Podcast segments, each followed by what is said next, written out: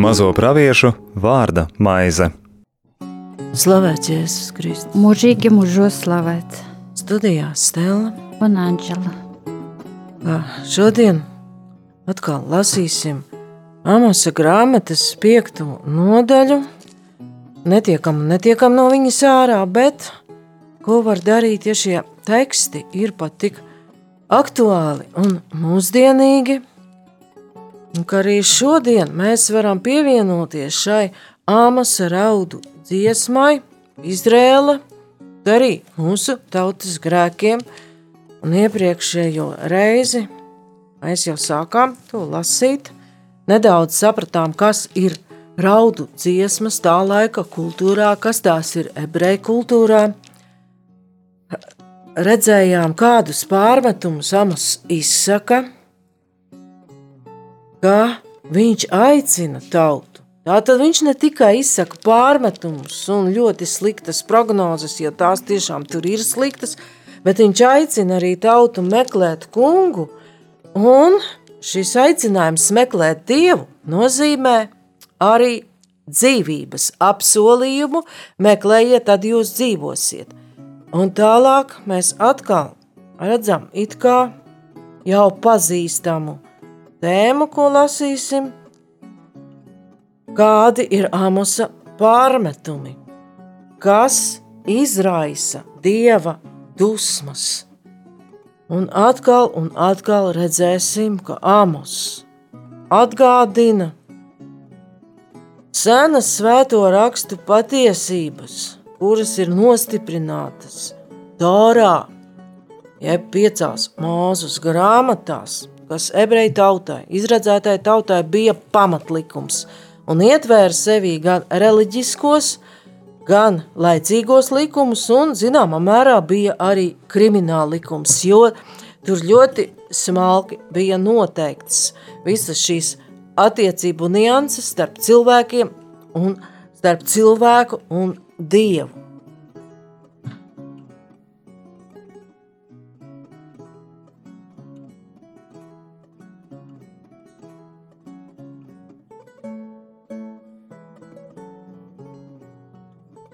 Jau iepriekš nedaudz par to runājām, ka tieši no cilvēka attieksmes pret dievu un viņa likumu ir atkarīgs arī tas, vai pierastās svētceļojumu vietas un svētās vietas būs kā dieva pielūgšanas vietas vai pārvērtīsies par kaut ko citu, jo tur jau minēta bija Bētele, ko tulko kā dieva nams.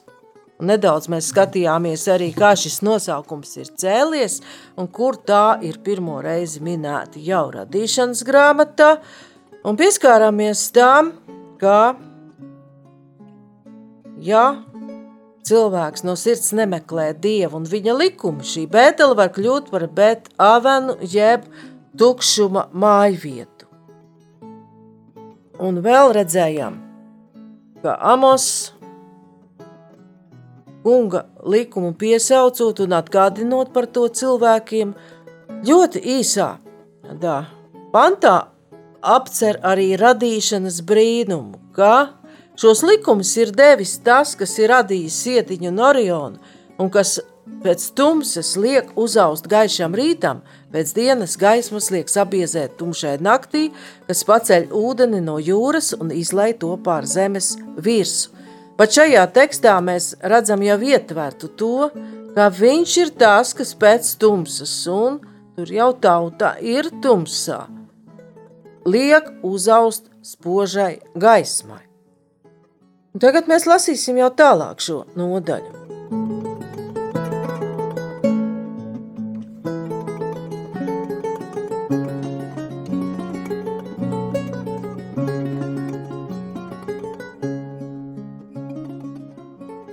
Amas saka, ka viņš ir tas, kas rada sabrukumu spēcīgo vidū un sūta un izpostīšanu nocietinātām pilsētām, bet viņi nicina to, kas vārtos pārmāca un ienīst to, kas runā patiesību. Tātad arī šajā vārdā mēs varam redzēt brīdinājumu, jo atkal atgādinu, ka Amos sludina tajā laikā Izraēļa valstī klājas it kā labi. Varētu teikt, ka tas ir tāpat kā arī pašreiz vienam iedzīvotāju slānim klājas. Ne tikai labi, bet ļoti labi. Viņi dzīvo šajā ziloņgalda pilīs, un viņiem visa kā ir pa pilnam treknie gadi, bet Amos brīdina, ka kungs var radīt sabrukumu spēcīgo vidu un sūta izpostīšanu nocietinātām pilsētām. No tā mēs varam saprast, ka kungam tas, ko cilvēki uzskata par savu drošību, nekā nenozīmē ka var būt ļoti daudz no iekšzemes koprodukta atvēlēts bruņošanās vajadzībām, var būt nocietinājumi, ieroči, vismodernākais bruņojums, bet kungs var šo valsti sagraut, ja tās iedzīvotāji nebūs izvēlējušies pašu kungu par savu aizsargu un būs atmetuši viņu likumu. Jo jau desmitais pants par to runā, nicina to, kas vārtos pārmāts, un ienīst to, kas runā patiesību. Un par šo mēs arī varam e, lasīt evanģēlijā, Jāņa evanģēlijā, e, 15. nodaļā. Ja jūs būtu no pasaules, tad pasaule mīlu, mīlētu to, kas tai pieder. Tā kā jūs nesat no pasaules, bet es jūs no pasaules esmu izraudzījis, pasaulē jūs ienīst. Ja es nebūtu nācis un runājis uz viņiem, tad viņam nebūtu grēka, bet tagad viņam nav ar ko attaisnot savu grēku. Tas, kas nīst mani, nīst arī manu tēvu. Paldies! No Anģeles nolasītā teksta mēs redzam šo īpašo īsteni taisnīgo, kurš māca vārtos, jo tajā laikā vārtos, dažkārt pilsētas vārtos, cilvēks varēja iet un mācīt, rabins varēja mācīt, un vārtos dažkārt tika spriesta arī tiesa.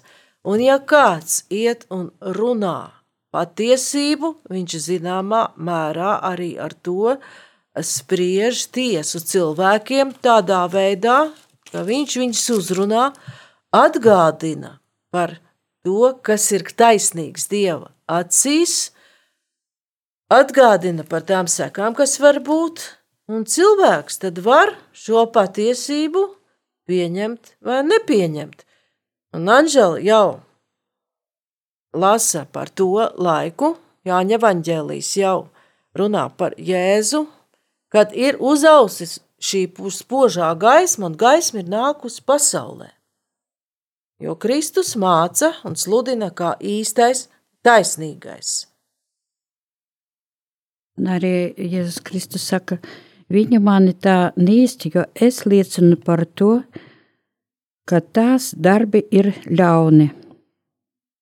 Un arī Amos saka, un ienīst to, kas runā patiesību.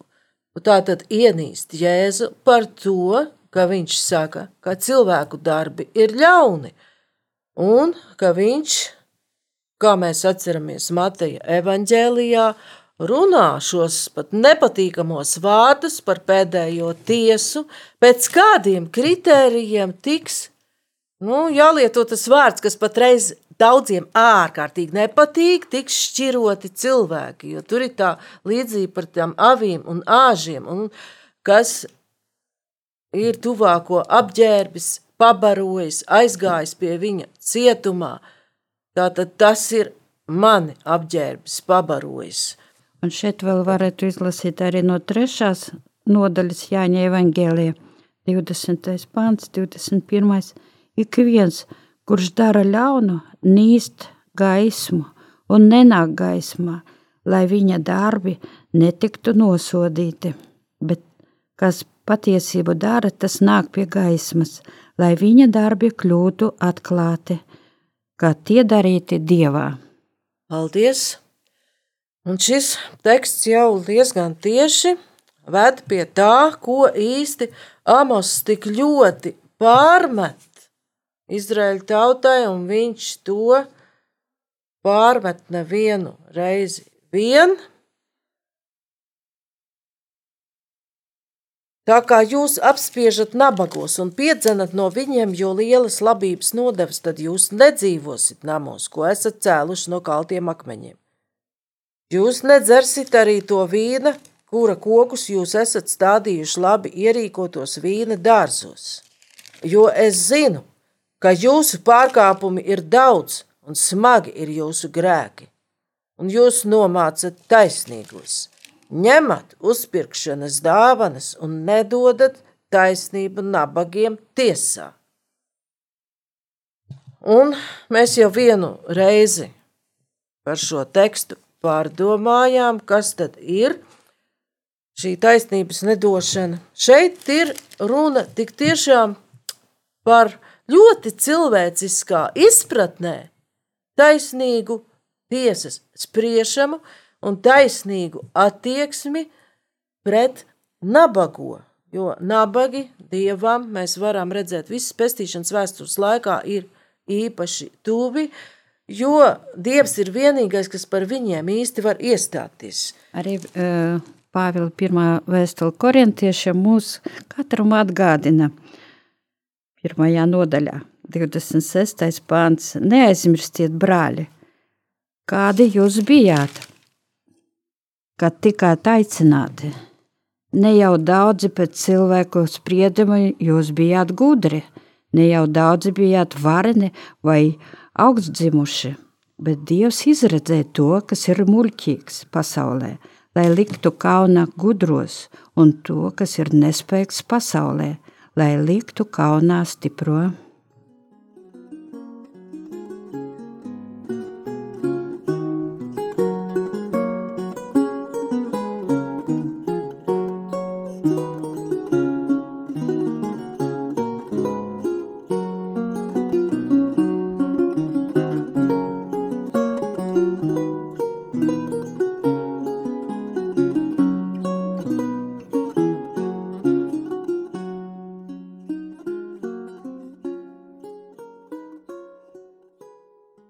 Tālāk mēs jau varam iet uz izceļošanas grāmatu. Kas tad ir tā stiprā grēks? Jo paša tā stiprā izpratnē viņš dara pareizi un dara tumsas darbu, jo izceļošanas grāmatā 23. nodaļā ir šis teksts, par kuru atgādina Amos. Un izrādās, ka šī taisnīgā nomākšana Un taisnības nedošana nabagiem viens no lielākajiem grēkiem. Un izceļošanas grāmatā 23. nodaļā mēs lasām ļoti mūsdienīgu tekstu. Turies tālu no nepatiesas liecības, nenogalini nevainīgo un taisno, jo es neattaisnošu vainīgo. Mēs varam atcerēties, ka Jo nevainīgo var nogalināt ne jau tā uzreiz ar nazi no krūmiem, bet dažkārt to nevainīgo cilvēku var apkrāpt un nogalināt arī ar likuma spēku, ar mēli, ar tenkām, ar aprunāšanu ļoti dažādos veidos, jo, kā Jēkabs savā vēstulē saka, mēli mazs orgāns, bet aizdedzina lielus ugunsgrēkus, jo nu, mēli mēs varam saistīt sevišķi mūsdienās arī ar to, ko cilvēks domā un viņš uzraksta. Var teikt, ka mūsdienās tā mēle dažkārt ir datora klaviatūra, ka dēļ tās mēles pat dažādi lieli kari. Un tas, kas dažkārt tiek mēli pateikts, tiek uzrakstīts, varbūt viltoti dokumenti, viltot informāciju, un dēļ tās sākas pat kari, cilvēku konflikti, un lielas nelaimes. Un arī es vēl neizlasīju līdz galam Pāvila pirmajā vēstule korintiešiem 28. pants, un kas pasaules neievērots un atstumts, un kas nav nekas, to Dievs izredzēja, lai izdeldētu to, kas ir kaut kas, lai nekas miesīgs nedižotos Dieva priekšā. Paldies! Kaut gan Amos varbūt vairāk runā par šo miesīgo, bet tā arī ir teikt, miesīga tieksme pēc labklājības, par kuru vēl der atcerēties 23. nodaļa, 2. mūzes grāmata, tieši par to arī runā Amos. Neņem uzpirkšanas dāvanas, jo tās apstulbo gudro acis un pārgroza taisno lietas. Neapspied svešinieku, jo jūs zināt svešinieka sirdi, jo jūs paši bijāt svešinieki Ēģiptes zemē. Nu, tā sastotais pants piemin tādu lietu, ar kuru mēs esam labi pazīstami. Plašsaziņas līdzekļos daudz kur redzam, un kura vēstures gaitā bieži ir bijusi stipro ierocis, ar kuru viņi nomāc to nabago, to, kas nevar aizstāvēties. Uzpirkšanas dāvana ir tas pats kukulis. Tur ir runa par korupciju.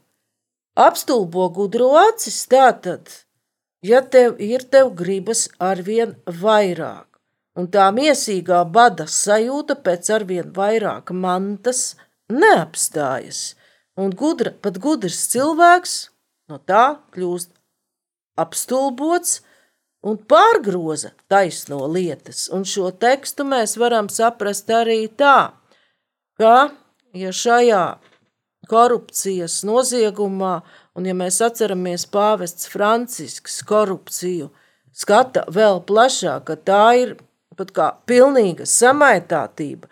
Ja cilvēks ir ievilcies korupcijā, pat būdams taisns, viņš noiet no šī taisnības ceļa, un arī viņa lietas, viņa skats uz dzīvi, uz to, ko grib Dievs, jau ir pārgrozīts. Un šeit arī nevar neizlasīt atkal Jēkaba vēstuli, piekto nodaļu. Tad nu bagātie raudiet, vaimanādami par postu, kas jūs sagaida.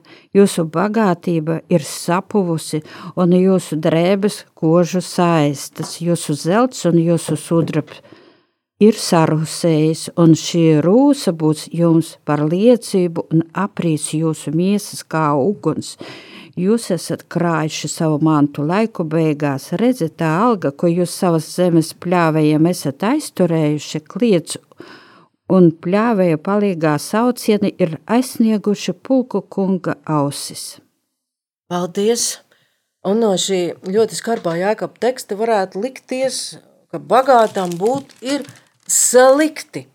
Bet arī Jēkabā tekstā mēs runāj, eh, redzam, ka viņš runā, ka slikta ir nevis bagātība kā tāda, jo vecā derībā bagātība kopumā tika uzskatīta, ka tas ir kunga svētības zīme, bet ir runa par veidu, kā bagātība ir iegūta. Jūs aizturējāt algu, un šis grēks brēc uz debesīm. Amos runā, ka jūs nomācat taisnīgos no ar korupcijas palīdzību, nedodat taisnību nabagiem tiesā. Un arī kā tā bagātība tiek izmantota. Arī kā izmantota, jo var pat iegūt viņu godīgi, bet ja tā netiek laista apritē, daloties ar tuvāko, tad arī viņa sarūsē. Un tur mēs varam to attiecināt ne tikai uz to zeltu un sudrabu, kas ir sakrāts, bet arī uz cilvēka zināšanām. Dažkārt, ja cilvēks iegūst labu izglītību, sagrābies zināšanas, tā ka nu, nezin, kur to likt, viņš nedod to tālāk, viņš nedalās. Tas noveco, tas paliek vecs, sarūsējis un jau nevajadzīgs. Jo cilvēks vislabāk aug, arī ar intelektuālo bagātību pieaug, daloties ar citiem, mācot un mācoties. Jo vienmēr šajā procesā pats var iegūt, kungs dos kaut ko klāt. Un 14. pāns atkārto to, ko jau mēs iepriekš redzējām. Meklējiet labo, neļauno, lai jūs varētu dzīvot, tad Dievs tas kungs cebots būs pie jums. Kā jūs to ar vienu daudzināt? Un 13. pāns aicina prātīgam, prātīgai šai laikā, lai cieš klusu, jo šie ir ļauni laiki. Tātad, kā ievērot klusumu, neiet iekšā visos šajos procesos, bet tas nenozīmē nerūpēties par nabago un neaizstāvēt viņu. Un šeit mēs varētu arī izlasīt varbūt, uh, to līdzību par bagāto muļķi, ja Lūks evangelijā.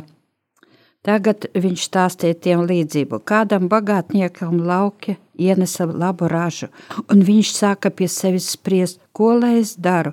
Man nav kur savākt savus augļus. Tad viņš teica, es darīšu tā, nojaukšu savus šķūņus un uzcelšu lielākus, un tur savākšu visu labību un citus labumus. Un savai dvēselē es sacīšu, tev ir daudz labumu iekrāts, uz ilgiem gadiem atpūties, ēd, dzēr un līksmo. Tad viņam Dievs sacīja, neprātīgais Šajā naktī tev atprasīs dzīvību, kam tad piederēs tas, ko esi sakrājis. Paldies! Šis cilvēks neizmantoja iespēju palīdzēt tam, kuram nav. Viņš zaudēja iespēju krāt mantas debesīs. Un priecāties. Arī, un priecāties par to, ka cilvēks viņam līdzās ir atplaucis, paēdis, apģērbies. Viņš zaudēja šo iespēju, uh, darīt to pēc kā Jēzus Kristus, kā saka Mateja evaņģēlija, ja nekļūdos 25. nodaļa, tiesās cilvēkus. Varētu teikt pēc viņa mīlestības mēra, vai tu apģērbi kailo, vai tu paēdināji izsalkušo, vai tu aizgāji pie tā, kurš ir cietumā. Tātad šim cilvēkam bija daudz, viņam bija ar ko dalīties, bet viņš to uzkrāja kā darīja tādu lietu, kas mūsdienās ir ļoti akceptēta. Mūsdienās saka, krājiet mantu. Un var krāt, bet jautājums ir, kur? Vai šai laicīgajā izpratnē, kur kodas un rūs ēd, vai arī tu pats vari aiziet mūžībā, vai krāt mantu debesīs, par ko tad liecinās tie cilvēki, kuriem esi palīdzējis, un kuru kodas un rūs nemaitā. Nu, jā, un ja tu dalies savā mīlestībā, tad nemirst tikai mūsu mīlestība. Jā. Un tur ir aizlien tas mūžacais jautājums, kas īsti ir mīlestība. Jā. Akvīns Toms ir teicis gribēt otram labu. Jā, tieši tā. Un tas, kuram nepieciešama palīdzība, mācīties sniegt viņu, varbūt tā. Mācīties sniegt, uh, Tur ir tas moments, ka iesākumā dalīties ir pat pagrūti. Un apustulis Pāvils jau runā par to, dodiet priecīgu sirdi, dalīties priecīgu sirdi. No sākuma jau būs tie garie zobi, kuriem, ja tas ir dots ar gariem zobiem, it kā Dieva acīs nav vērtības, bet tur ir kāds cits moments, ka tā sākas varbūt ar šo, nu, Dievs tā grib, tā vajag.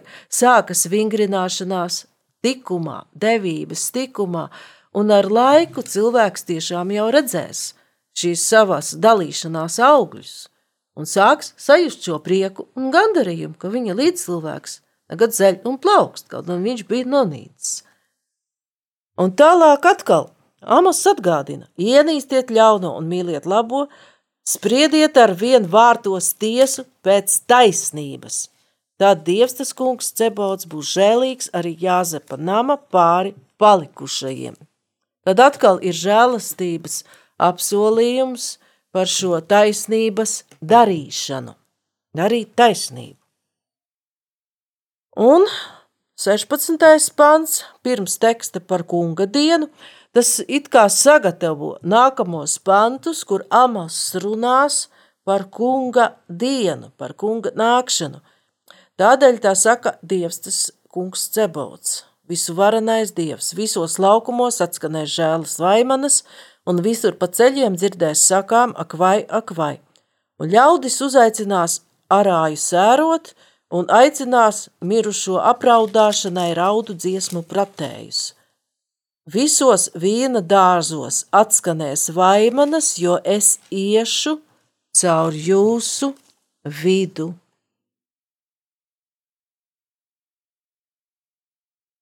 Tie ir tādi vārdi, izteikums, ar ko ir izteikta tiesas formula ka kungs nāk ar spriedumu, un līdzīgu izteikumu mēs varam lasīt izceļošanas grāmatas 12.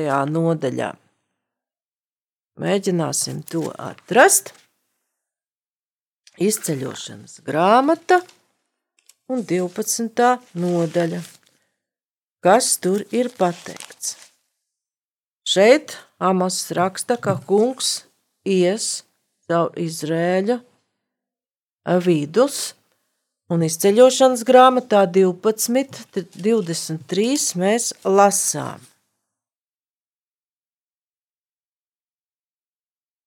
Kad tas kungs nāks, lai sistu eģiptiešus un redzēs asins uz palodām un abiem durvju stabiem, tad tas kungs ies garām tām durvīm un neļaus maitātājam ienākt jūsu namos, lai jūs sistu. Tad kungs iet caur šo cilvēku vidu un redz, kuri viņam pieder.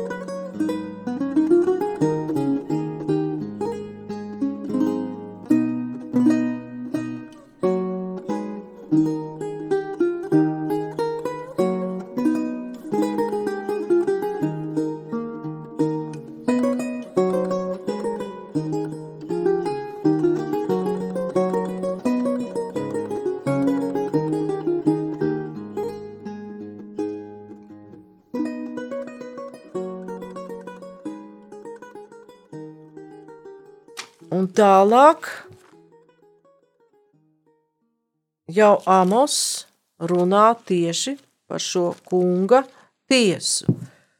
Un jāatceras, ka tajā laikā bija cilvēki, kas gaidīja kunga tiesas dienu, un pat uzlūkoja to, ka tad atnāks taisnība un tiesa, un ka tā būs kā gaismas diena. Bet šeit Amos runā, tā kunga diena ir tumsas diena. Bēdas tiem, kas ilgojas pēc tā kunga dienas, ko tā jums dos, jo tā kunga diena ir tumsa un ne gaisma. Un šis 16. pāns, ko es lasīju iepriekš, ļoti atgādina arī atklāsmes grāmatu, kuru arī vienā no raidījumiem es lasīju, ka viss, ko cilvēki ir iekārtojuši un pie kā ir pieraduši, sabrūk. 18. nodaļa atklāsmes grāmatā, ja mēs lasām pat desmito pantu, attāls stāvēdamais bailēm no viņas mokām, tur ir runa par pilsētu Bābeli.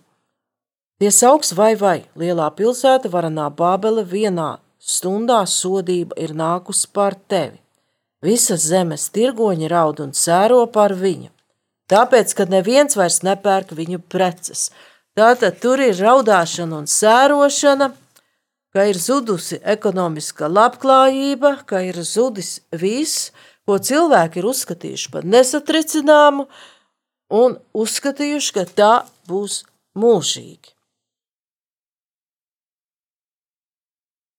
Un arī šeit mēs varētu izlasīt Mateja evaņģēliju, tad uh, tas ir sestā nodaļa, Tādēļ es jums saku, nezudieties savas dzīvības dēļ, ko ēdīsiet un ko dzersiet, ne savas miesas dēļ, ko vilksiet mugurā. Vai tad dzīvība nav vē, vērtāka kā barība un miesa kā drēbes? Paldies! Un šis teksts ļoti labi parāda cilvēka tieksmi, uztraukties par nākošo dienu un paļauties uz to, kas ir sakrāts un sarūpēts, un šķūnī savilkts. Arī meklējiet vispirms dieva valstību un viņa taisnību, tad jums viss pārējais tiks iedots. Nezodieties par rītdienu, jo rītdiena pati par sevi parūpēsies katrai dienai, pietiek savu bēdu. Paldies! Ar to mēs varam saprast, ka pat ja nāk šī tiesas diena, mēs neko tur nevaram izmainīt. Mēs nevaram izmainīt Dieva gribā, un mēs neesam noteicēji par vēstures gaitu. Un par to dar domāt arī šodien, kad cilvēki iznīks no bailēm, kas notiks rīt. Un tieši šī neziņa arī labāk palīdz saprast Amosa tekstu. Tumsas dienu mēs varam saprast kā arī tādu, ka mēs par to nekā nezinām. Tā vēl ir vēstures tumsā. Un arī Isais 34. nodaļā no pirmā panta runā par tādu dienu, kad tas kungs nāk tiesāt. Nāciet šurp tautas un klausieties tautas un ņemiet vērā. Lai klausās zeme un tie, kas to pilda, lai uzmana pasaule, kas tanī dzīvo. Jo tam kungam ir dusmas pret visām tautām un naids pret visu viņa pulku. Viņš ir tās nodevis iznīcināšanai, nolēmis nokaušanai. Ka viņu nokautie, lai tiek izmesti laukā, lai izplatās viņu līču smaka un lai kalni pārplūst no viņu asinīm.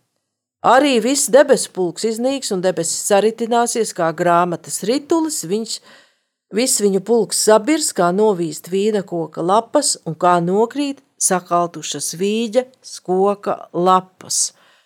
Un šis teksts mazliet atgādina arī jaunā darībā teikto, kas jau runā par laiku beigām, kad debesis saritināsies kā grāmata.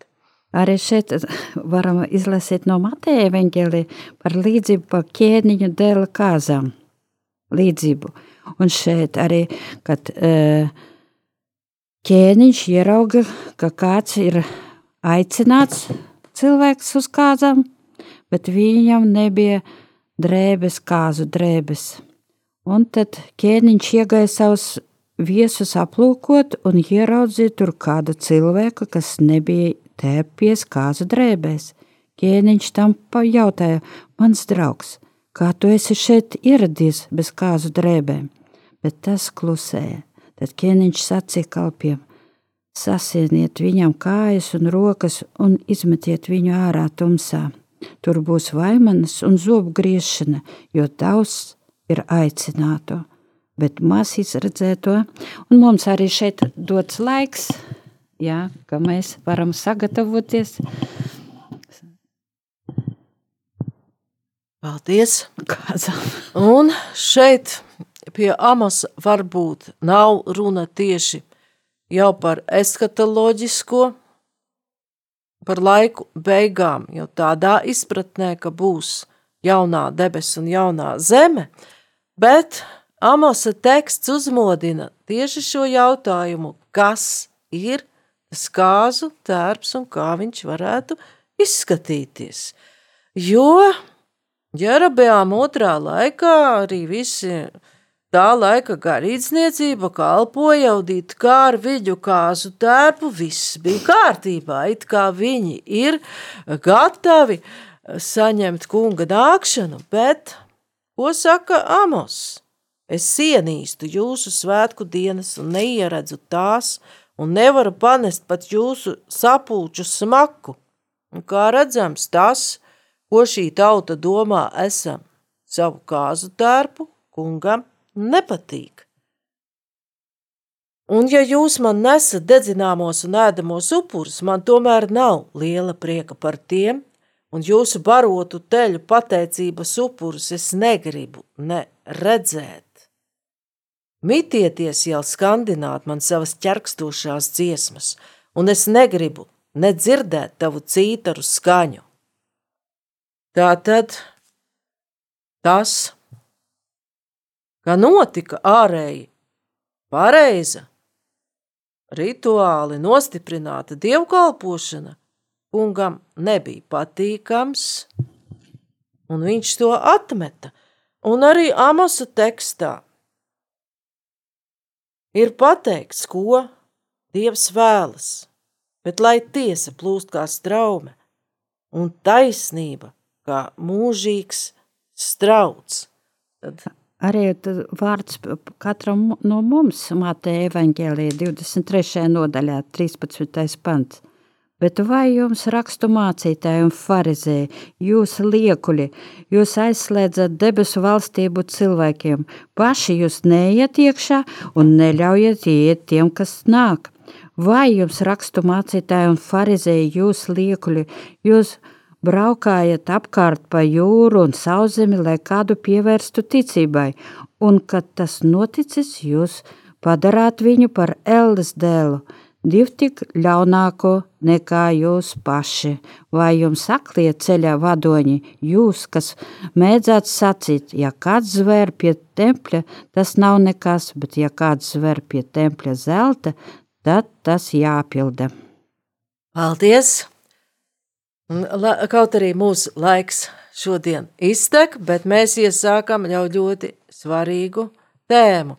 Un pat šis it kā sīkums zver pie tempļa kur mājo dievs nekas, bet tempļa zelts. Ar to mēs jau varam nonākt pie tēmas, kuru plašāk izvērsīsim nākamā reizē. Kā pat ārēji pareizs rituāls var kļūt par elkdievīgu rituālu un kā tāds kļūst kungam nederīgs.